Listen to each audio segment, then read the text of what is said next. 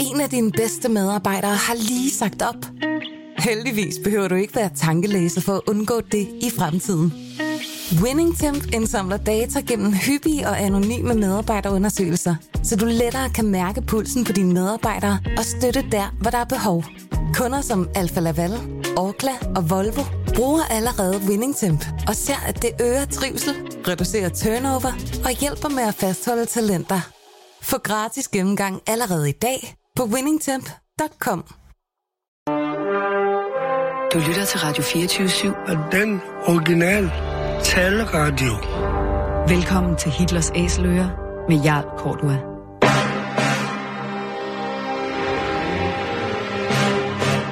Velkommen til programmet Hitlers Æseløer, et program om bøger om den anden verdenskrig. Mit navn er Jarl Kortua. Den anden verdenskrig blev indledt den 1. september 1939 med det nazistiske Tysklands overfald på Polen. Der var tale om en racistisk erobringskrig, der kostede mellem 55 og 70 millioner mennesker livet, og hvor nazisterne systematisk myrdede jøder, romager og slaviske befolkningsgrupper og politiske modstandere og alle andre, der ikke passede ind i deres forestillinger om et ensartet folkefællesskab. Nazisterne de blev i årene efter, efter krigen dømt ved krigsforbryderdomstolen i Nürnberg, og flere af deres organisationer, såsom nazistpartiet, SS og Gestapo, blev stemplet som ulovlige forbryderorganisationer. I denne serie, som vi har valgt at kalde for Hitlers æsløer, præsenterer vi nogle af de mange bøger, som i disse år udkommer om den anden verdenskrig.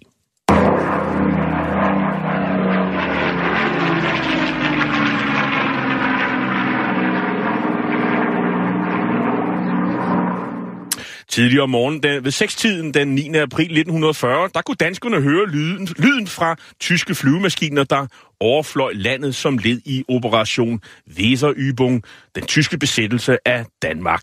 Flyene var af typen Heinkel 111, som blev det mest udbredte bombefly under 2 verdenskrig.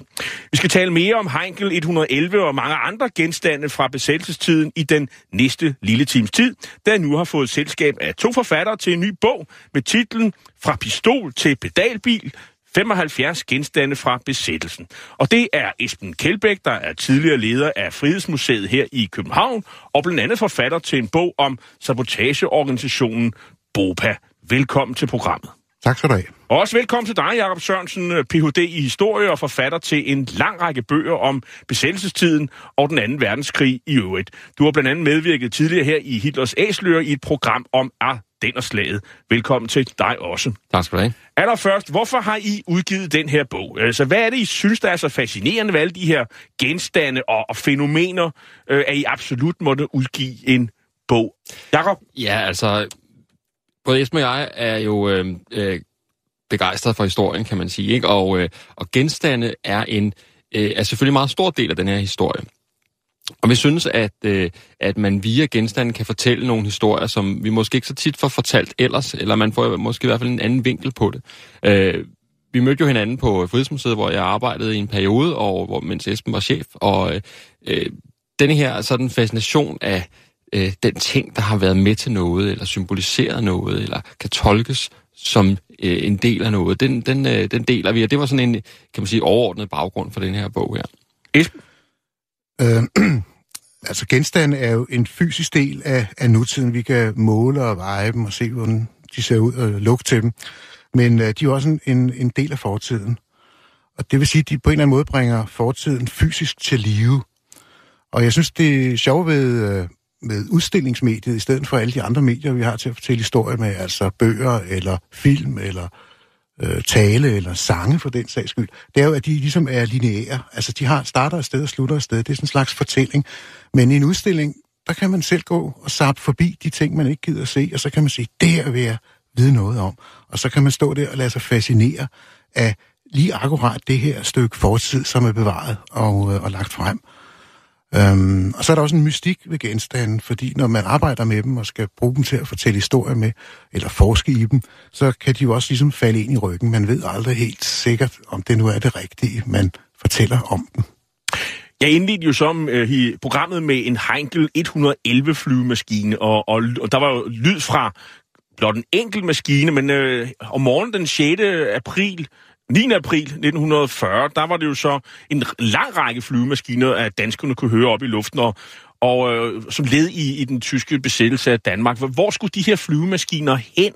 Øh, var det meningen, de for eksempel skulle bombe København?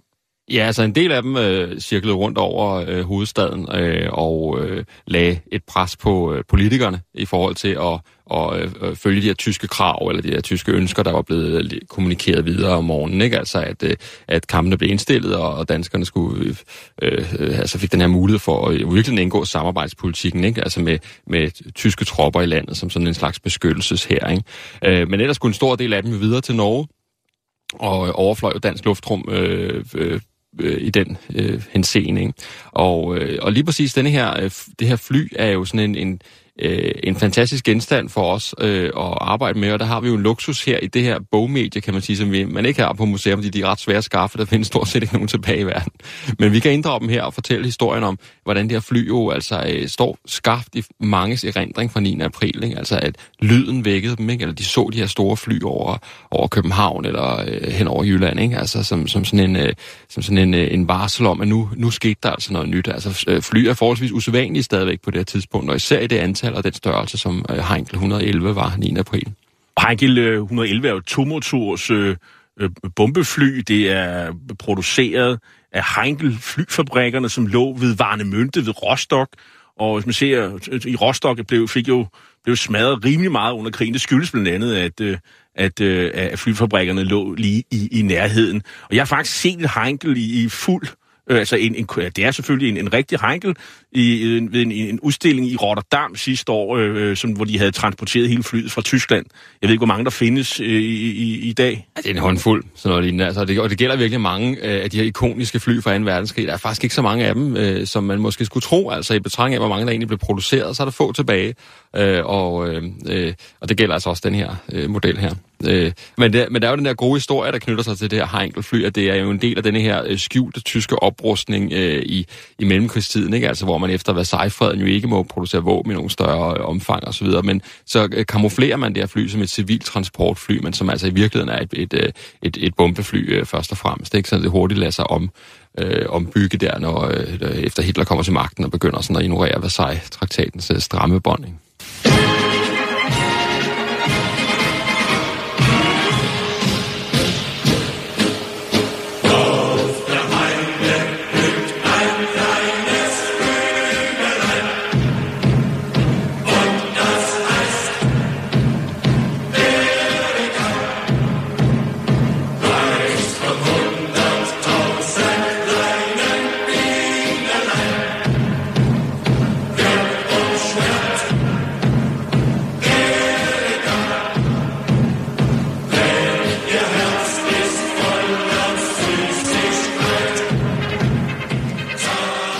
På en hede blomster en lille plante, som hedder Erika og er varm fra 100.000 små bier, der sværmer om hende. Sådan lyder det nogenlunde i den her kække tyske soldatersang.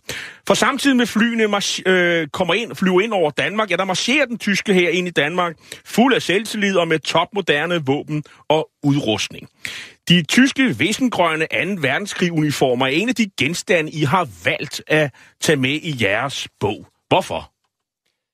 Ja, altså det er jo øh, igen et godt eksempel på noget nyt, danskerne skulle vende sig til. Ikke? Altså øh, øh, et, et, et, noget nyt i gadebilledet, de her tyske uniformer. Og øh, en uniform er jo en meget kraftfuld øh, genstand. Øh, den er jo designet til at øh, og, øh, og sådan, øh, hvad skal man sige, øhm, øh, anonymisere bæreren på en eller anden måde. Altså man bliver en del af et, et, øh, et, et fællesskab. Alle dem, der bærer uniformen, er, er, øh, er ens og repræsenterer altså den nye, den nye magt i landet herinde.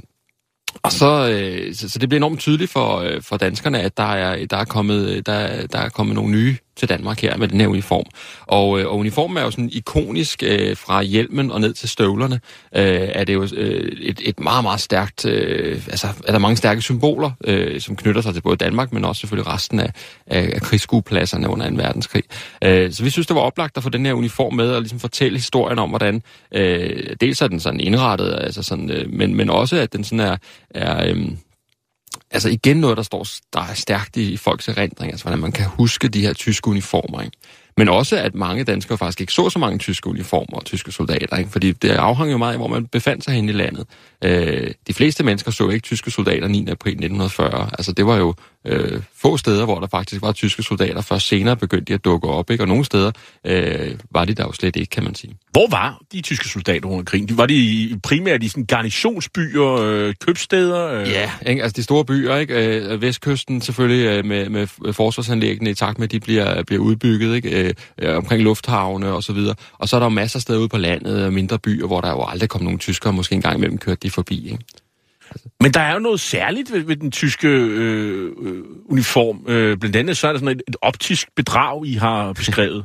Ja, den er ligesom, øh, hvis man forestiller sig over, altså at, at frakken er ligesom lidt for lille faktisk, altså i, i forhold til sådan, hvordan man normalt øh, designede øh, uniformsjakker. Og det får faktisk bæren til at se stor ud, øh, kombineret med de her øh, forholdsvis lange øh, bukser, og så øh, og de her øh, klassiske tyske militærstøvler, man kender, altså uden snøre, ikke? Sådan, øh, med skaft i stedet for.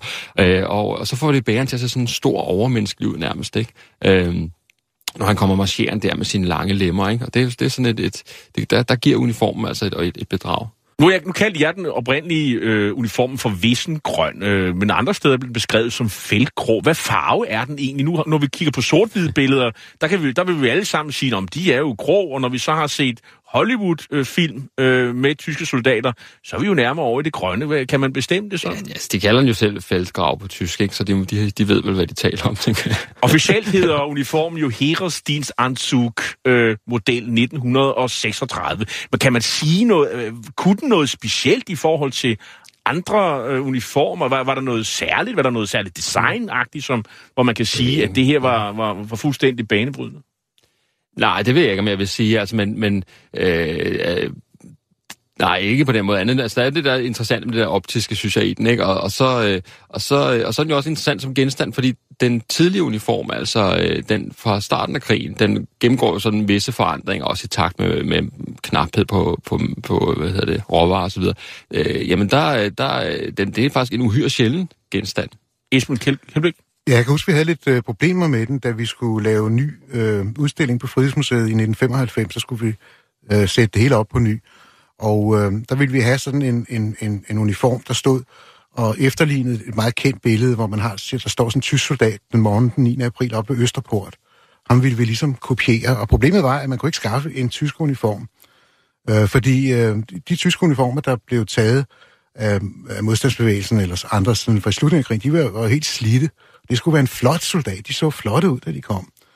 Og jeg tænkte altså, måske har de nogen over i Rusland eller sådan noget, men det var altså virkelig umuligt at skaffe, så vi måtte simpelthen få Tøjhusmuseet til at hjælpe os med at få lavet en kopi.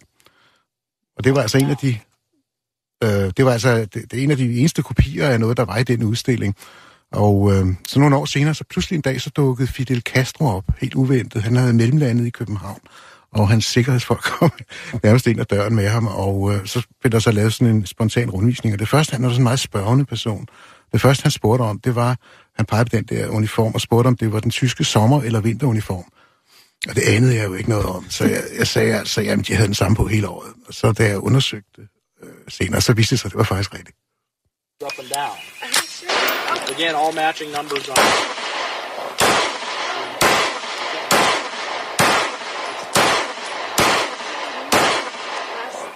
Det vi hører her, det er en øh, lurer P. Parabellum.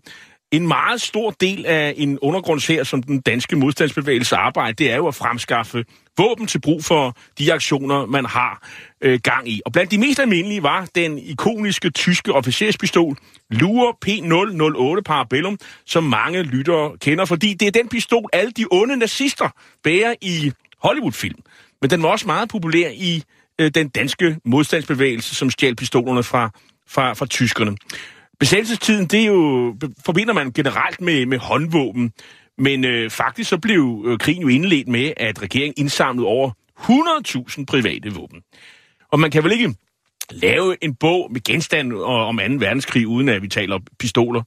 Esben nej, Kjellbæk? Nej, altså pistolen repræsenterer jo øh, det voldelige og det militære, hvor pedalbilen øh, repræsenterer det folkelige og det øh, skal sige, lidt overfladiske måske også, men øh, øh, jeg, nu er det mig, der skrev den her artikel om pistolerne, og øh, jeg er selv blevet lidt klogere af at skrive den, fordi øh, Øh, jeg fandt ud af, at, øh, at det rigtig nok er den her øh, øh, tyske officerspistol, som hedder Luger, øh, øh, jo også blev kaldt parabellum af, af sabotørerne. Altså, jeg kan huske, der var en, der, der snakkede om, at han havde skaffet sig en dejlig parabel. Han havde sådan næsten sådan et inderligt forhold til den. Men jeg blev så klogere og fik at vide, at, at det hedder faktisk ikke parabellum, fordi parabellum er et navn på den ammunition, den bruger. En 9 mm, og den kan, ammunition kan jo bruges til alt muligt andet også. Men den hedder altså parabellum for mange af de her mennesker. Og grunden til, at øh, pistoler kom ind i billedet, fordi man skal huske, at Danmark var et meget afmilitariseret samfund. Du nævnte selv, at, at øh, våbnene blev, at de våben, der var, blev samlet ind, men det var meget, meget usædvanligt for mennesker at have eller kende til pistoler. Øhm, og, øh, øhm, og skyde med dem. Der var jo også meget få mor i den tid, og de fleste blev jo opklaret. Det, øh, men øh, øh, grunden til, at der blev brug for pistoler, var, at øh, man begyndte sabotagen i øh, sommeren 42 med at brænde ting af og øh, altså fabrikker eller lager, der var tysk interesse. Og øh, da det så øh, havde stået på et stykke tid, så, så pressede tyskerne den danske regering til, at der skulle være sabotagevaksbevogtning af, af virksomheder, der var truet. Det skete så fra december 42. Og de her vagter, de blev så udstyret med sådan en, et grønt armbind, hvor der stod bevogtningspoliti, og så fik de politimyndighed inden for den fabrik, hvor de arbejdede, og så fik de en gummiknibbel. Og da sabotørerne kom ud for det, så, så, så begyndte de altså at, at prøve at skaffe sig pistoler for at true vagterne med.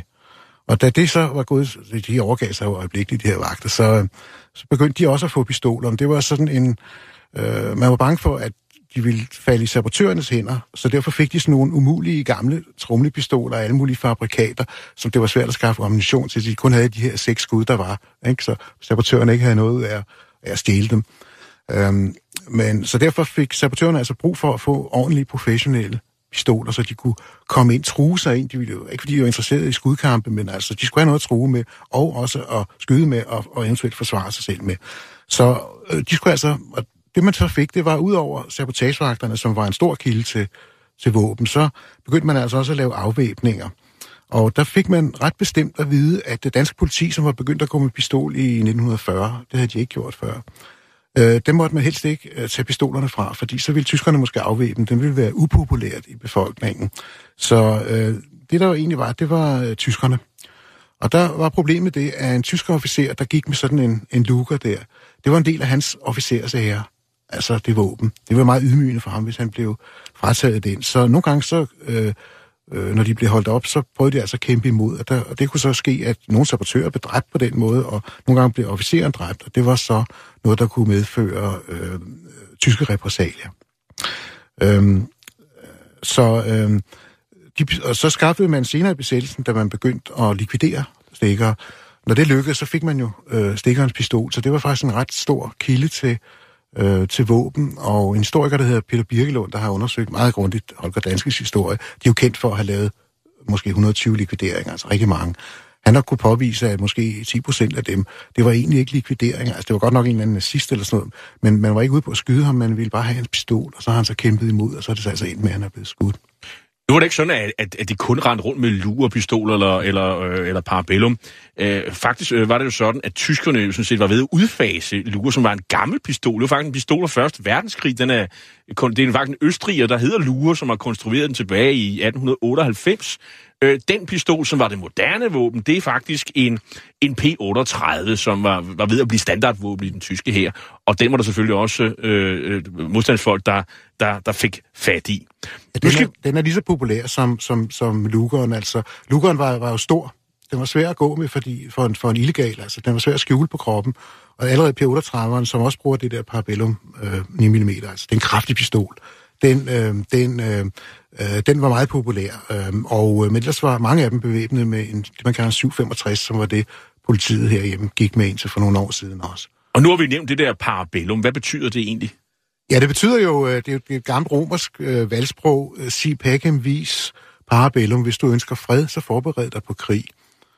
For eksempel ud at tage fat i, i et håndvåben, for eksempel, ja. Men, men øh, vi skal også tale om den, øh, den øh, den titlen hedder som, som bekendt fra pistol til pedalbil, øh, jeres, øh, jeres, øh, jeres bog, øh, Esben Kjeldbæk og Jakob Sørensen, 75 genstande fra besættelsen, en bog, der er udkommet for, på Nyt Nordisk Forlag, og, og, og den her pedalbil, den, øh, den kunne jeg egentlig godt tænke mig at høre mere om, fordi øh, vi ved selvfølgelig, at besættelsestiden var en øh, benzinløs tid, øh, og, og, og mange kørte på cykler, øh, det ved vi jo selvfølgelig. Øh, men så var der altså også nogen, der fandt på at konstruere en pedalbil. Hvad, hvad er det for et fænomen? Ja, altså det, det er jo, kan man sige, øh, mere et, et symbol, end det er et, et udbredt fænomen. Man skal ikke forestille sig, at Københavns gader var fuld af pedalbiler, der sådan kørte rundt. Vel? Men, vi, taler, vi taler om sådan lidt øh, sådan, øh, forvokset ja, go-kart. Ja, det ligner sådan nogle... Øh, altså, man kan få dem til børn, faktisk. Hvis du går ind og googler pedalbil, så, så øh, er det ikke vores bog, der dukker op som det første. Så er det billeder af sådan nogle legetøjsbiler, der man kan køre rundt med. Men det, princippet er det samme. De er bare til voksne, de her. Øhm, Altså, man skal jo forestille sig, at privatbilismen, selvom den ikke var så stor, så forsvandt den jo fuldstændig med, øh, med besættelsen, altså rationering af benzin. Øh, og øh, cykler, som jo var, fyldte godt i landskabet, blev jo endnu mere et transportmiddel. Øh, lavet cykler alle, det var jo virkelig noget, man så alle vejene. Og så øh, begynder man altså, at man havde en konkurrence osv., hvor man lavede de her pedalbiler. De er jo lavet som sådan, de ligner jo små øh, automobiler, ikke? Øh, og, øh, og er sådan to personer, så så sidder man der med sin pibe og, og, og kan køre en tur rundt i, i byen og ligesom lader som om, at, øh, at at, øh, at øh, det, det er fred igen. Ikke? Altså, det er jo sådan en slags... Øh, øh, demonstration af det normale på en eller anden måde. Ikke? Altså, at det kan godt være, at I har inddraget vores biler og vores benzin, men vi, vi kan stadig køre her. Ikke? Esben? Ja, altså det, det er, jeg plejer at kalde det en anråbelse. Altså, bilerne forsvinder. Nu, nu var Danmark vist nok øh, det mest biltætte land, i næsten mest biltætte land i Europa efter Storbritannien. Men det var stadigvæk ikke ret mange biler i forhold til, hvad vi, hvad vi har i dag. Det var ikke almindeligt at have en bil. Men dem, der havde en, de måtte altså kloste den op, som man siger. Øh, kun læger og politi og selvfølgelig tyskerne måtte, måtte køre i bil. Alle andre måtte sætte en generator på, eller også måtte de cykle, og det var jo det almindelige. Øh, de her mekanikerlærlinge, vi finder i sabotagen, sådan 20 år, der kunne alt muligt med, på sabotage, de kunne altså ikke køre bil. Øh, det var meget efterspurgt med sådan nogen, der kunne køre bil som chauffør i, i sabotagen. Og øh, jeg tror altså, at, øh, at cykelbilerne, af hvilket der mig bekendt kun findes én bevaret, den står op på Teknisk Museum i Helsingør. Der er billede af den i bogen. Øh, sådan, det er sådan et, et ret stort skrummel, øh, lavet krydsfiner og med, med, med sådan tredje pedaler og, og et gram, kædetræk til to personer. Og den må have været utrolig, øh, utrolig øh, tung at køre i op ad bakke og, og i regn. Men vi har altså billeder og fået også film fra de her shows og sådan noget, som øh, man lavede, øh, hvor man kan se sådan nogle elegante konstruktioner, der kører afsted nogle gange med op til fire mennesker i. Men der er ikke ret mange, der har overlevet. Og jeg tror altså, at det er jo de fleste af de her billeder er fra 1940. Og jeg tror som sagt, det er en anråbelse, en form for øh, håb om, altså at, øh, at krigen slutter og, og freden kommer igen. Øh, man kan se, hvis man læser Damebladet eller som ugebladet fra foråret 45, der kan man også se, hvordan man har udsigten til fred. Der kan man finde annoncer for øh, Volvo. Den hedder Den Lille Fredsbil. Og så er der så billede af den her Volvo, der skal komme, når alt det onde er over. Og nu skal vi til de mere øh, pikante, øh, en af de mere pikante genstande fra besættelsestiden, nemlig anuspatronen. Og man skal jo ikke kunne meget latin for at gætte, hvad, hvad det er, vi taler om øh, her. Jakob nej, nej, det er jo en... Øh Altså en uh, lille stålbeholder, uh, som uh, man kan skrue, uh, som ligesom er, har et gevind på midten, og man kan skrue den fra hinanden, og så kan man gemme uh, hemmelige beskeder, mikrofilm og den slags ind i, og så kan man så skjule den uh, i kroppen, om man så må sige, uh, lidt afhængig af, hvad, hvad køn man er, er der forskellige muligheder. Uh, og, uh, og så bliver den altså brugt til uh, eksempelvis at smule oplysninger til Sverige den vej. Uh, så, og, så de har, den har faktisk spillet en, en ret øh, central rolle i øh, modstandsbevægelsen. Ja, det er nok svært at sige, hvor central... Kurerarbejdet. Ja, kurerarbejdet har spillet en meget central rolle i modstandsbevægelsen, og, og har været jo en meget væsentlig del af modstandskampen, altså det her med at kunne kommunikere, uden at, at kommunikationen bliver opsnappet. Og, øh, og der, der er den her øh, pikante anus-patron jo altså et eksempel på det. Øh, der er selvfølgelig øh, også dem, der bare havde øh, papirerne nede i håndtasken, og så øh, øh flirtede sig forbi øh, de tyske vagtposter. Ikke? Men øh, Øh, det her er sådan et eksempel på sådan en, en genstand, som dukker op øh, og, og øh, har, har en rolle i besættelsen, og så ellers øh, selvfølgelig forsvinder igen.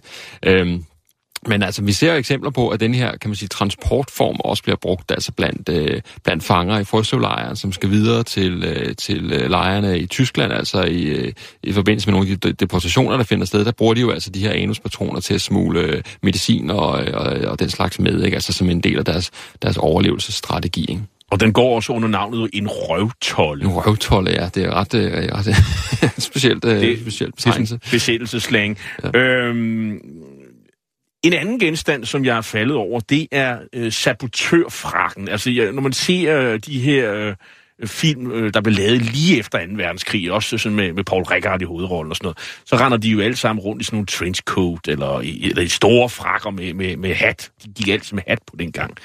Og, og jeg går ud fra, sådan en, en, en frakke, den er god til at sådan skjule eller skydevåben. Det, er- det er vel derfor, man render rundt med sådan nogle. Eller, eller hvad, Esben Kjeldbæk? Ja, det er rigtigt. Du har helt ret. Du nævner øh, den film der med øh, De Røde Enge øh, med Paul Rickard. Der kan man se på plakaten, at han har haft sådan en, en hvid trenchcoat på, eller en, eller en cotton coat, som det jo hed. Det sjove er, at øh, en cotton coat, øh, det er ikke betegnelse for noget stykke tøj på amerikansk eller, eller engelsk. Det er en, faktisk en dansk opfindelse. Altså en englænder kan godt forstå, øh, altså, hvad det er. Øh, en frakke af bomuld en frakke af bomuld, men, øh, men det er altså, øh, og det er øh, et led i den her amerikanerdyrkelse, der opstod under besættelsen, hvor man dyrkede alt amerikansk. Øh, cigaretter, danske cigaretter blev øh, produceret af dansk tobak, men de fik amerikanske navne og amerikansk udseende. Og man dyrkede altså også de her film med Humphrey Bogart fra 30'erne, så man kunne se endnu et stykke ind i, ind i besættelsen. Øh, det var sådan en slags øh, ikke, nazist, en, an, ikke antinazistisk, men ikke nazistisk markør at gå med sådan en. Et udtryk for modernitet og tro på den moderne kultur, som jo var havde amerikanerne i... Øh, men det var ikke noget, man kunne forbyde. Øhm, og øh, da man ikke kunne få bomuld, for det var jo oversøisk produkt, så måtte man tage gamle laner og, og sy sin cotton coat af sådan en.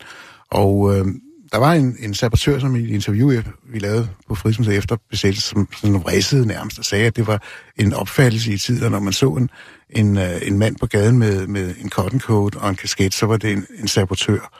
Men der var altså nogle af dem, der gik i de her øhm, øh, cotton coats.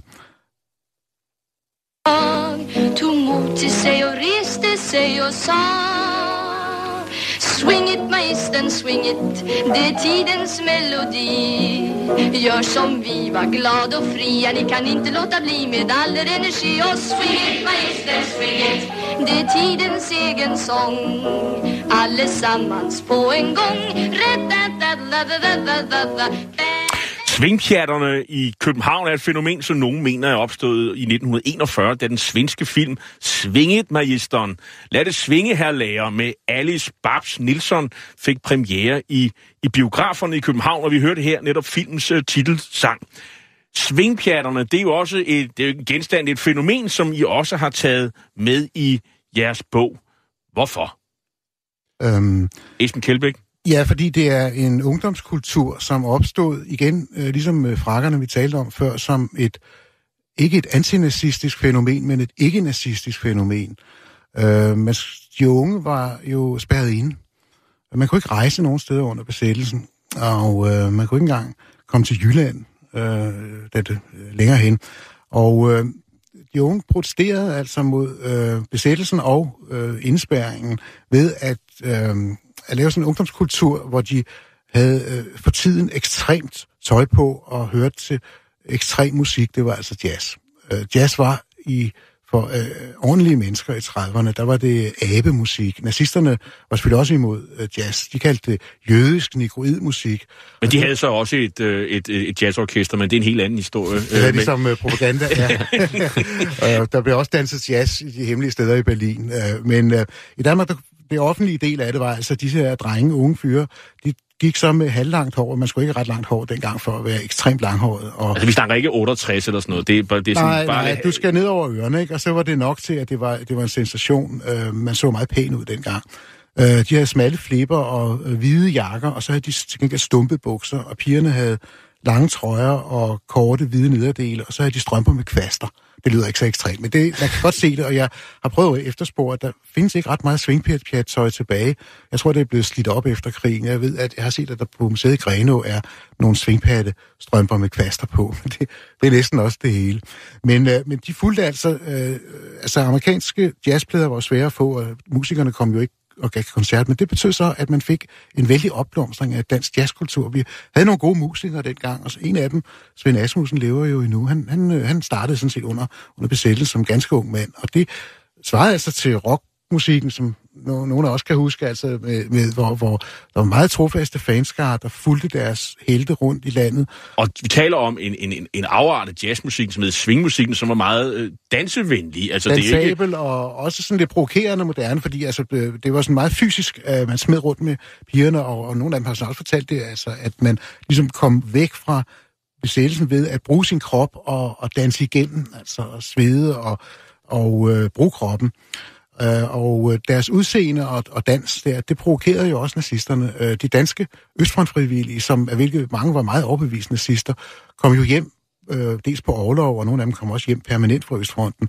Og der er en del episoder, hvor de øh, overfalder og tvangsklipper øh, de her svingpjat-drenge. Så at være svingpjatter, det var sådan set et, et, et antinazistisk fænomen. Det var en, en, Ja, en måde at, det- være, det kunne at, man- at protestere på i det stille, ja, ja, det kunne man godt sige, og, det, og, og i hvert fald var det jo øh, ikke nazistisk, og, øh, øh, og øhm, øh, nogle af de steder, hvor man dansede jazz, blev jo også sprængt i luften. Min, min svigerfar, han var i den generation, hvor de var svingpjatter, og han sagde jo, at øh, ja, det er rigtigt, øh, man kunne ikke gå ud om aftenen, men hvis man holdt fest, så det gode ved det ved den her tid, det var, at, øh, at festen øh, startede tidligt, og så blev det sådan serveret hele natten, for man ingen kunne komme hjem. Så det var først tidligt på morgenen, at man kunne komme hjem igen. Så, så den, den positive ting var det at for eksempel at være, at være gymnasiast under besættelsen. Jakob Sørensen. Ja, altså så, det, det er jo det der, øh, at man skal også forstå, at, at øh, på samme måde som modstandsbevægelsen langt hen ad vejen er en slags ungdomsoprør, ikke? altså det var jo unge, alt overvejende, der deltog i modstandskampen. Jamen, det her er, et andet udtryk for ungdommens sådan, øh, øh, øh, hvad hedder det, øh, bryden med normerne i den her periode, ikke? som altså jo ikke, altså ikke retter sig direkte mod besættelsesmagt eller noget, men mere sådan en bekymringsløs, øh, øh, altså vi fester netop til den lyse morgen, og, og, og, og, og har, altså, glemmer alt om alt det mørke og onde, der ellers foregår. Ikke? Altså, så det er sådan en slags øh, altså, insisteren på ikke at bekymre sig, kan man sige. Og så så jeg faktisk også øh, på Vesterbrogade her i sommer en, en demonstration af, hvordan i, øh, at svingpjernerne, de dansede, de havde noget med en pegefinger, de stak op, og som de så, så drejede rundt i luften. Det var ligesom et, et tegn på den dansestil, så, som de havde, som minder øh, lidt om, om jitterbug. We shall defend our island, whatever the cost may be. We shall fight on the beaches. We shall fight on the landing grounds. We shall never surrender. Du lytter til Hitlers Æseløer på Radio 24 Et program om bøger om 2. verdenskrig med Jarl Cordua. I give you a toast, ladies and gentlemen. I og i dag har vi fået besøg af Esben Kjeldbæk og Jakob Sørensen, der er historiker og er forfatter til bogen Fra pistol til pedalbil, 75 genstande fra besættelsen, og den bog er udkommet på Nyt Nordisk Forlag. Nu skal vi til et andet emne, som øh, jeg også har glædet mig til at tale med jer om. Øh, det er nemlig øh, ferietabletter. Det, som i min ungdom hed speed, og som nogen kalder, øh, øh, kalder for øh, amfetamin, hvis man skal tale latin. Ferietabletter, hvad, hvorfor er det en genstand, vi forbinder med, med besættelsestiden, Esben Kjeldbæk? Ja, øh, øh, de, øh, de eksisterede og blev brugt også før besættelsen øh, øh, under navnet Mikodrin, men du har ret, det er et amfetaminprodukt, og det amfetamin blev opfundet i 1887 og øh, øh, var sådan et mirakelstof egentlig, som jo var vældig dejligt og godt at have. Øh, man kunne, øh, Øh, når man tog det, så, så kunne man, øh, øh, så behøvede man ikke at sove. Øh, man blev opkvikket og fik selvtillid og initiativ, og trætheden forsvandt. Øhm, der var mange studerende, jeg kan huske, min far blandt andet brugte det, så når han læste til eksamen. Det var nemlig helt legalt. Man kunne købe det på apoteket, hvor de altså blev solgt under navnet ferietabletter. Hvorfor hedder det ferietabletter? Jeg ved det ikke helt præcis, men jeg vil tro, at det er fordi... er det fordi, man ikke, øh, man vil ikke sove under ferien, der skal ske noget? Ja, det er det. Det, det, det, er, det, det, præcis det, tror jeg. For dengang var ferie jo ikke noget, man rigtig havde, eller man havde højst en uge eller to. Og når man så endelig havde ferie, så, så, så ville man jo ikke sove, vel? Jeg vil tro, det er derfor. Øhm, i hvert fald kan man, man kunne også sige, at man tog sådan ferie fra det hele, når man tog de der tabletter, fordi man blev altså opkvikket. Problemet med det var, at man, hvis man bruger det øh, over en 4-5 dage eller sådan noget for meget, så begynder man at blive selvovervurderende og paranoid og, og kan blive afhængig af det. Øh, men det, det var ikke forbudt at bruge dem, altså. Man kunne købe dem, som sagt, og der var mange modstandsfolk, som jo levede en, en udmattende tilværelse. Det er svært at forestille sig, hvor udmattende det egentlig var at være en eftersøgt illegal, som måske måtte flytte øh, bosted en gang om ugen, øh, og aldrig vidste, hvor langt ud i fremtiden, og, og samtidig skulle gøre det, man nu gør, gå til møder, hvis man var leder, eller forberede sabotager, flytte depot osv. Der var mange, øh, specielt lidt ældre, som, øh, som altså brugte mikodrin. Øh, Frode Jacobsen, som jo er en af de betydelige i Frihedsrådet. Og så man vil sige, det der er en pæn mand, øh, han, han brugte det. Det er utroligt, han var på speed, men det var han. Og han, han var, var, nu var han sådan en meget øh, sådan kontrolleret person, så han vidste godt, at når han havde taget det en 3-4 dage, så skulle han holde op. En anden øh, meget betydelig medlem af Frihedsrådet, Børge Hovmand, øh, tog også mikodrin, og han havde jo været illegal som kommunist siden 1941. Og øh, han oplevede altså, at en slutning af 44, hvor han går og skal til et møde, han går op ad trappen på Nørreport, så pludselig sortner det for ham, og han trimler simpelthen ned ad trappen. Han bryder fysisk sammen. Han bryder fysisk sammen. Han har været under et pres, og han har altså nok også taget for mange af de der øh, mikodriner. Men øh, øh, hvad skal jeg sige, modstandsfolkene var jo ikke de eneste, der brugte dem. Nej, altså, vi, vi kender det jo også altså fra øh, øh en allieret herre, for eksempel amerikanske herre, chauffører, øh, der kørte forsyninger til fronten, de, de var jo udbredt på, øh, på amfetamin, ikke? Altså, kunne man køre hele natten, ikke? Og, og piloter ved, omkring slaget ved England. Piloter omkring slaget ved England. Og altså, øh, altså meget bekendt brugte har på amerikanske piloter, altså helt op til golfkrigen, første golfkrig stadigvæk, altså et, et variant af det her, altså som sådan opkvikkende midler, ikke? Altså, så det er sådan helt, øh, øh altså det, det, det, er, det er det, man gør, ikke? Og altså, gjorde. soldater er på speed, det er det, du siger? Ja, altså, de, de har i hvert fald øh, øh, visse tjenesteformer, kan i hvert fald have et helt særligt behov for at holde sig vågen i enormt lang tid, uden, at, altså, uden træthedsreaktioner. Ikke? Brugte man det i den tyske her også? Ja, det gjorde man. Altså, man havde en, en, igen en variant, der hed pervitin, og da de skulle tage Frankrig, det her blitzfelttog i 1940, der blev der bestilt af den tyske overkommando 35 millioner stykker pervitinpiller, så de altså kunne holde sig vågne i tanksene, mens de rullede henover der. Øh, tyskerne opdagede altså, at det øhm, åbenbart, at det, at det også havde nogle, nogle negative konsekvenser, så det blev forbudt, men selv øh, under slaget ved Stalingrad var der stadigvæk nogle tyskere, der havde de her pervitinpiller. Nu skal vi tale om, øh, noget, det er selvfølgelig stadig alvorligt, men øh, øh henrettelsespæle i Ryvangen. Øhm, Hvorfor har I taget sådan nogle lidt, sådan, sådan lidt øh, makabre øh, genstande med i jeres bog, Jakob Sørensen?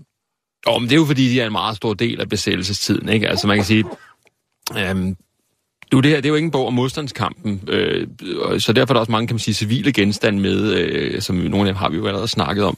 Men øh, henrettelsespælene er jo en del af, altså måske det tydeligste øh, symbol på øh, hårdheden af den tyske besættelsespolitik. Ikke? Altså at der bliver indført dødsstraf for forskellige sabotageformer osv., og at, øh, at 102 øh, danske statsborger bliver øh, henrettet af, af tyskerne under krigen. Ikke? Og det fortrinsvis øh, foregået ud i Udvangen, øh, op af de her tre øh, berømte øh, henrettelsespæle. Ikke? Og der er i dag Mindelund, øh, og, og, og vi, man kan faktisk gå ned og se det sted, hvor de blev skudt. Ja, man kan gå ned og se det sted, hvor de blev skudt, og det er jo det, vi kalder Mindelund i dag, som, som var øh, tidligere har været et militært område, altså en stolskydebane osv., som tyskerne tager i brug som henrettelsesplads. Og mindepælene er jo så øh, blevet bevaret og har været udstillet på Frihedsmuseet, og, og, og, og kommer jo givetvis også med i den nye udstilling, når den øh, kommer op og stå. Ikke? Og det er jo sådan en... Øh, altså, denne her... Øh, øh, altså, øh, dødstraffen under besættelsen er jo et, et enormt interessant emne, fordi det er jo faktisk også det, der får hele samarbejdspolitikken til at bryde sammen. Ikke? Altså det tyske ønske om, at, at, øh, at nu skal straffen for at modsætte sig øh, besættelsen, den skal altså i vejret. Ikke? Den, der skal altså indføres dødstraf, og, og, og det, det vil de danske politikere jo ikke være med til. Øh, og øh, så overtager tyskerne jo altså selv øh, kontrollen, kan man sige. Ikke? Og så, så har vi de her pæle her, hvor man så øh, blev øh, ført ud, typisk fra øh, Vesterfængsel i morgentimerne, ikke? og så... Øh, og så øh, blev man bundet og, og, og skudt, og så blev man øh, begravet i sådan en, en, en, øh, en grav, der bare blev markeret med en, en pind med et nummer på, og så, øh, og så førte det sådan et journal om, hvem der nu lå der. Ikke? Så det var sådan en, en kan man sige, næsten øh, ja, sådan meget anonym proces i virkeligheden. Og det fremgår i jeres bog, at man, øh, man, man begravede en flaske med personoplysningerne ved livet.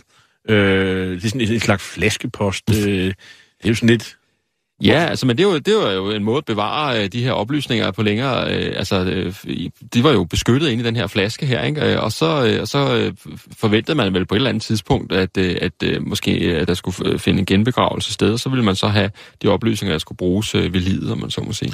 Og der var faktisk også et, et enkelt gang, hvor man henrettede øh, en, en, en sabotør ved Skæring Hede ved Aarhus, så det var ikke kun i Ryvang, men ikke det var primært i Ryvang, Ryvang, ja. Ryvang. Og så har I jo også medtaget nogle af de breve, øh, som blev skrevet blandt andet Christian U. Hansen, som ja. var i Holger Danske, øh, og det er vel også en del af hele, øh, som sige, ja, selvfølgelig også myten omkring øh, de henrettede sabotører. At de skrev, nogle af dem skrev nogle ret gode breve, så rørende breve. Ja, det må man sige. Altså, øh, men øh, en del af processen var, at man fik lejlighed til at skrive et sidste brev. Altså, man kunne jo godt brevkorrespondere fra fængsel, men man fik jo at vide på et tidspunkt, nu var det altså, øh, nu, skal du, øh, nu skal du runde af, ikke? fordi at, øh, det er et sidste brev, det her. Ikke? Og, der, og der, øh, de jo bevaret. Øh, de blev sendt ud til familierne, hvor familierne typisk kopierede brevene og sendte videre ud til, til andre slægtninge, så alle kunne læse med. Ikke? Og, øh, og de breve er nogle af de stærkeste tekster, vi overhovedet har. Øh, ikke bare for besættelsen, men for, altså, efter min mening for Danmarks historie. Ikke? Det var meget, meget flotte breve, som jo så også blev udgivet efter krigen øh, og solgt i, i kæmpe oplag. Ikke? Og, øh, og som, som er en altså kan man sige, øh, nogle af, altså det, det brev, vi har citeret et brev fra netop Christian Johansen, ikke, som, er, som er jo en, en, en smuk øh, sådan afsked med familien, ikke, hvor han jo op, stod af med at opfordre familien til at tage et forældreløst tysk barn til sig, ikke, fordi at sådan, øh, det er noget, der peger fremad, ikke, altså de skal tilgive og komme videre. Ikke. Og mens vi er i afdelingen for de sådan makabre ting, øh, en giftpæle, det er også noget, vi forbinder med besættelsestiden. Hvorfor? Ja, altså det er jo... Øh, øh, der har vi primært at gøre med øh, øh, professionalisering af modstandsbevægelsen, som jo til dels foregår øh, via instruktion fra øh, danske agenter, altså danske SOE-agenter, der er blevet uddannet i England og er blevet kastet ned med faldskærm, øh, hvor de kan instruere øh, de her spirende modstandsgrupper i, hvordan de skal sådan øh, sig. Øh, og, øh, og de har altså sådan en syrenkaliumpille med, som de kan, som de kan, kan tage og begå selvmord med, hvis de skulle øh, blive fanget af tyskerne. Øh, og, øh, og det, det galt det ikke bare agenterne i Danmark, men altså også i andre besatte lande, så videre, man havde den her type piller med. Øh, så, det er så SOE-agenterne, som man kastede ned over Danmark, de havde for eksempel en... Ja, de havde netop sådan en pille med, ikke? Og, og, kunne, øh, og kunne hvis, øh, at de blev taget til fange, øh, så for ikke at øh, afsløre deres netværk og, og, og illegale kontakter osv., så, videre, så kunne de så tage deres eget liv. Det var ligesom forventningen, ikke? Men hvor, kan du lige beskrive, kan I beskrive den der pille, hvor det, altså, er det sådan en glasampul, og hvad er det for et stof, ja. og hvordan virker det? Ja, det er sådan en uh, lille glasampul med sådan en gummihæne udenom, som man så kan have for eksempel en halskæde om halsen. Uh, der er også nogle, uh, vi kender også nogle mere, mere sådan, kan man sige, kulørte eksempler med, med ledende tyske, og der havde dem i, inde i huletænder og så videre, så når de kom i fangenskab, kunne de så hælde tanden ud og tage den her giftampulle ud. Så tykker man på dem, og så bliver man lammet simpelthen i, øh, og, og dør på få øh, sekunder. Og det er åndedrættet, der bliver lammet, ja, så, ja. så dør man simpelthen, fordi af luftmangel, iltmangel. Ja. Det første eksempel er netop en faldskærmsagent, Paul Johannesen, som øh, øh, sidder og sender i øh, september 1942. Det er altså tidligt i modstandskampen, kan man sige. Det er det danske politi, der er fjenden.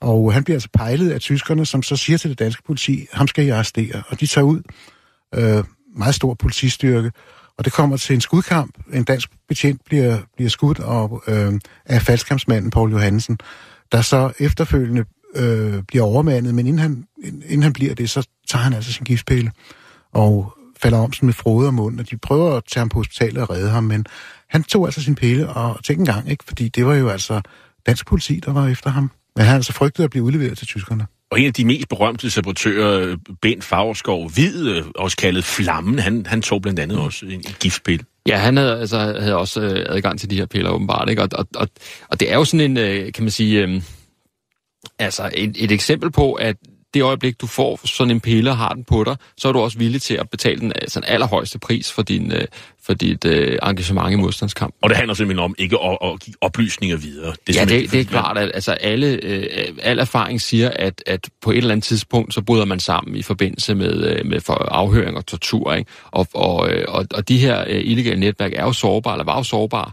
øh, for at blive oprullet. Ikke? Øh, så, øh, så hvis man ligesom kunne, kunne stoppe den proces, så, så øh, anså man altså det for at være, være ønskeligt. Man kan også læse i jeres bog, at der faktisk var en, sådan en selvmordsbølge i Tyskland i, øh, i, i januar og februar 1945, hvor folk simpelthen øh, tog de her øh, syrenkaliumpiller? Jamen det er klart, altså det, det udsigten til, til, en, en, øh, til freden var, var jo bekymrende for mange øh, højt placerede øh, tysker, øh, tyske nazister i, i, i krigens sidste måneder, øh, og, øh, og, og derfor var det jo en, en, en hurtig og nem vej ud. Ikke?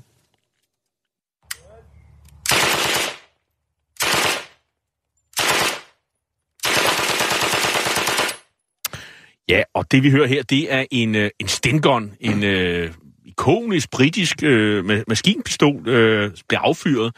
Og fra 1943, så var den jo også en del af arsenalet i, i den danske modstandsbevægelse, Esben Kjeldbæk. Ja, Stengonen øh, er opfundet i 1940, og man skal tænke sig, at på det tidspunkt er, englænderne jo smidt ud af Europa. De sådan set står helt alene i kampen mod tyskerne. Amerika er ikke med endnu, og Rusland er ikke med endnu. Øh, og de øh, øh, står i overfor en fare om øh, øh, en invasionstrussel, og de har mistet meget af deres materiel, da de trak sig tilbage fra Frankrig ved Dunkirk. Øh, så de står altså og mangler et våben, som kan produceres hurtigt og, og simpelt, og så opfinder øh, to ingeniører, der hedder Shepard og Turpin, øh, en meget simpel maskinpistol, som er det, vi kalder en stengun, og den har navn efter dem, altså S for Shepard og T for Turpin, og EN enten for Enfield eller England. Og Enfield, det er våbenfabrik? Det er den våbenfabrik, hvor de, hvor de var. Øh, og øh, det, vi taler altså om en, en, øh, en, en, en, øh, et våben, der kan sådan set stampes af, af stålplader, og egentlig er det kun øh, pipen, der kræver øh, svært til at lave riffelgangen i den. Øhm, den kan altså laves af, den blev, i England blev den produceret på øhm, legetøjsfabrikker, en der hed Lions Brothers, for eksempel Mark II, øh, blev produceret der i 3,2 øh, millioner eksemplarer. Øhm, og det øh, øh, var altså et meget, meget simpelt våben, som enhver jo kunne lære at bruge, og som altså forsynet øh, var klar til at modstå en invasion. Men nu kom invasionen så ikke, og, øh, og USA og, og Sovjetunionen kom med i krigen, så invasionstruslen den forsvandt jo. Men øh, Churchill ønskede jo at rejse modstandsbevægelser i de europæiske lande, set Europe ablaze. Og der blev øh, Stengården, som var billig og nem at øh, bruge, øh, så kastet ned øh, hen over Europa, og altså også i Danmark. Øh, hvor den altså kom ned i Jylland, øh, og øh, det var der nedkastningspladserne lå. Altså, man startede i begyndelsen også med at kaste ned på Sjælland, men så blev det for langt at flyve. Så, og, og det vil sige, at de store københavnske sabotageorganisationer, som tit var i kamp og havde brug for øh, maskinpistoler, Holger Danske og, og Bopa, de øh, begyndte i 1944 simpelthen selv at, at producere den her øh, maskinpistol. Øhm. Og, og som er sådan karakteristisk ved, at, den har, at dens magasin er øh, sådan, øh, øh, det er ikke nedad, men til siden. Man holder, man holder den i magasinet, øh, så at sige, når man, og sådan meget kort. Det ja. den er nem at skjule, og, og så er den nem at producere, fordi man går selv i gang med at producere den i Danmark. Ja, øh, der, er nu, der er nu også en, man kan sige, der er en mytologi omkring det her, fordi det er jo, det, det er jo sandt, at både Bopa og Holger Danske lavede den, og det var sent i krigen, og Bopa lavede sådan noget som 200, og Holger Danske lavede måske tilsvarende ansag. Øh, og Ejgil Skov Jørgensen, som for øvrigt er, er, har levet indtil for en 14 dage siden, øh, han stod for det, og han, hans, hans, hans udgaver kan kendes på, han stampede et J ind, og så øh, uh, ta, altså et nummer, hvor han talte ned fra 10.000. Så, så, så fik jeg sådan et indtryk af, at der var meget stor produktion i gang der. Uh, men jeg vil sige, at nogle af de sabotører, vi har snakket med, de sagde altså, at hvis man kunne vælge, så var det altså ikke en dansk produceret, man valgte, fordi de var alligevel altså ikke helt så driftsikre som, som de rigtige, for ikke at tale om det, man helst ville have, nemlig en svensk maskinpistol. Ja, det var jo, altså de svenske var jo, altså en Husqvarna maskinpistol var jo det allerbedste, man kunne få fat i. Ikke? Uh, men, men en Stengon havde en anden fordel, uh, nemlig at den lod så også meget nemt skille ad i mindre dele, øh, og, og nemt skjule under frakken og så videre, ikke? Altså, og, og også som, som vi har på forsiden et billede af, hvor der faktisk kun er et pistolskæfte, altså hvor du ikke engang, øh, altså hvor du faktisk kan, altså slet ikke behøver at skulle have den op til skulderen, men du bare kan skyde med den fra hoften nærmest, ikke? Så det er jo sådan et, et, en, en, et fremragende våben til hurtigt at få ind under den her sabotørfrakke, som vi snakker om tidligere, ikke? Men altså, skulle man, øh, skulle man i, i, i, i, i større ildkamp, øh, eller havde man udsigt til at skulle en større ildkamp, så, så gik man efter øh, de svenske modeller, ikke? Men vi kan selvfølgelig ikke have en udsendelse om genstanden for besættelsen, uden at tale om det også ikoniske frihedskæmper-armbånd. Fordi øh, den 5. maj øh, 1945, der var jo øh, stort set hele Danmark frihedskæmper, øh, og havde været med lige fra starten af. Sådan var det ikke helt jo, men, øh, men det kunne man godt få indtryk af. Øh, og, og det var der også mange, der ironiserede over sidenhen frihedskæmperarmbåndet, hvor længe havde man, havde, havde man haft det i, i skuffen, så at sige, Esben Kjeldbæk? Jo, det havde ligget i skuffen. Uh, det er egentlig en interessant historie, fordi uh, uh, uh, tyskerne lod jo den danske hær og flåde være i de første tre år. De var godt nok beskåret ned. Og uh, i, den, i hæren, der var man egentlig meget antitysk og forberedt sig på et uh, opgør mod tyskerne, uh, som man jo ikke kan tage officielt. Og uh, man regnede sig med, at man ville på et tidspunkt, når det skete, så havde man nogle lister over pålidelige hjemsendte værnepligtige, som man ville øh, kontakte og sige, nu, nu skulle de altså i kamp. Og så ville man ikke kunne nå at give dem uniform. Og der har man så efter datidens øh, militære love, have landkrigsreglementet fra, 2000, fra 1907, at øh, hvis ikke man kan skaffe uniform til en styrke, så hvis de får et armbind på, så betragtes de som uniformerede. Det vil sige, så har de ret til, hvis de bliver taget til fanger, at blive behandlet som krigsfanger, ikke bare skudt ned på, sked, på stedet. Så, det er en nødløsning i virkeligheden. Det er en nødløsning, det er en uniformering, og, og, og herren, som øh, øh, i 1942, der øh, lavede herren så altså i hemmelighed 10-12.000 øh, blå armbind. De var altså lavet af øh, blåt buksestof, som sådan så herrens tidligere uniformer ud i 30'erne. Og det, det var altså blåt stof øh, armbind med en øh, bred rød stribe på, og så en tyndere hvid stribe på, og så sådan et, øh, et, øh, et, et lille metalskjold med de danske løver på. Og de skulle altså ligge der og være klar til, at herren gik i gang. Øh, nu var det så sådan, at, øh, at den danske her var sådan set også imod sabotage. Det var de ikke så vilde for. De ville prøve at dæmpe det og sådan noget, men øh, øh, altså, de var ikke med i, i det illegale arbejde, der efterhånden var ved at, at komme op og stå. Og efter 29. august 1943, hvor herren jo blev decideret nedlagt, jamen så flygtede efterretningstjenesten til Sverige, og øh, i modstandsbevægelsen begyndte man så fra 1944 at opstille øh, modstandsgrupper. Det var på ordre fra England, og øh, de var jo ikke uniformerede. Så der besluttede man så, at derfor tog man sådan set øh, frihedskæmperarmbenet op af skuffen, det vil sige, man lå det selvfølgelig ligge indtil krigen var slut, men altså man forberedte, man havde så den plan, altså at når befrielsen eller de slutkampene kom, så skulle de altså have det her armbind på. Øhm, og det skete jo så i, i, øh, i maj øh, øh, hvad hedder det, 45, og, øh, og da modstandsfolkene så kom frem på gaden, og vi snakker her om at der i grupperne, i disse øh, underjordiske militærgrupper, eller ventegrupper, som nogen lidt uvenligt kaldte dem, der var øh, op til omkring 60.000 mand, der var organiseret over hele landet. Øh, de fleste af dem, havde, mange af dem havde ikke våben, de havde ingen træning, og, øh, men altså, de var dog, havde dog meldt sig og var klar til at og, og, øh, at gøre en indsats, og så fik de måske nogle våben, og så fik de i hvert fald det her armbind. Dog... Øh, især i København og på øerne, fordi i Jylland var der mange steder, hvor man ikke havde det, og der kan vi så se, at der er varianter af armbind, altså der er grønne armbind, og der er rød-hvide armbind. Øhm, og der kommer de altså frem, og som du ganske rigtigt siger, så øh, virker det som en overvældende styrke, der pludselig kom frem, og man sagde, jamen har de nu været med hele tiden? Er det ikke bare de sidste dages hellige? Og man gjorde egentlig en del nej af dem efterhånden. Og det synes jeg er faktisk meget uretfærdigt, fordi vi ser jo altid på historien sådan, at sådan måtte det gå vi ved, hvordan det endte, men det vidste de jo ikke, da de kom frem. Tyskerne, som var udgjort 170.000 mand, der var professionelle soldater, de havde været meget, meget svære at kæmpe mod for de her amatører. Så det var egentlig ganske modigt at lade sig indrullere i det her og tage ja. armbind på. Ja, fordi man skal jo forestille sig, at, øh, at det folk kendte til, det var jo befrielsen af de andre besatte lande, ikke? altså Frankrig, Holland, Belgien osv., som bliver befriet via kamphandlinger og, og, og det her. Så det her er jo faktisk en amatør her, som melder sig til at kæmpe øh, mod en professionel her. Ikke? Øh, og at det skulle gå så fredeligt netop, som Esma hvor som det rent faktisk gik, altså det kunne man jo ikke vide. Vel?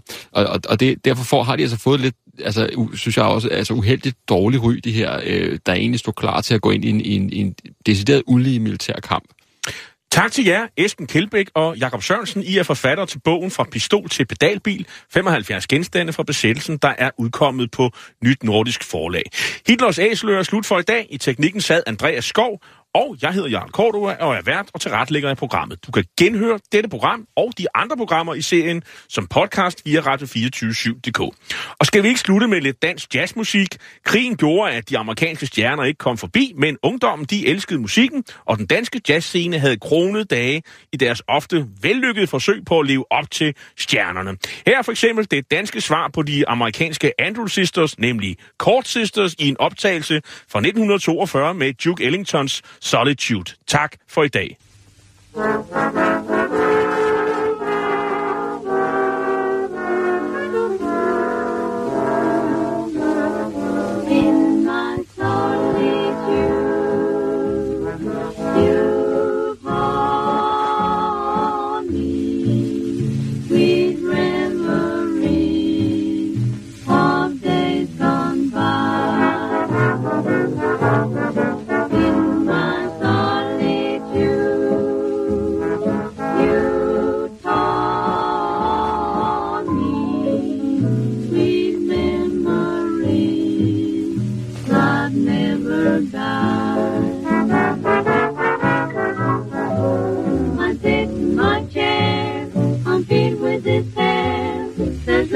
cosita.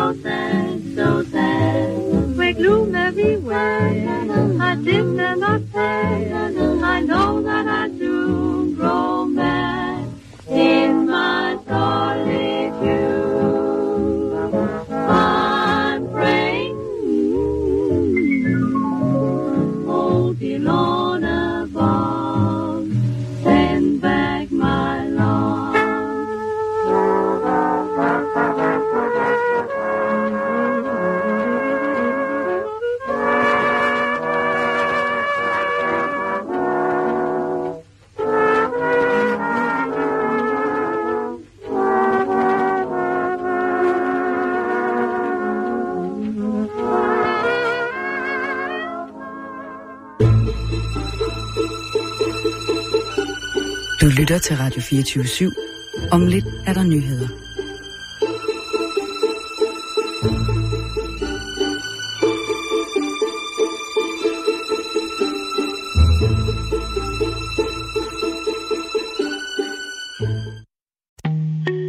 En af dine bedste medarbejdere har lige sagt op.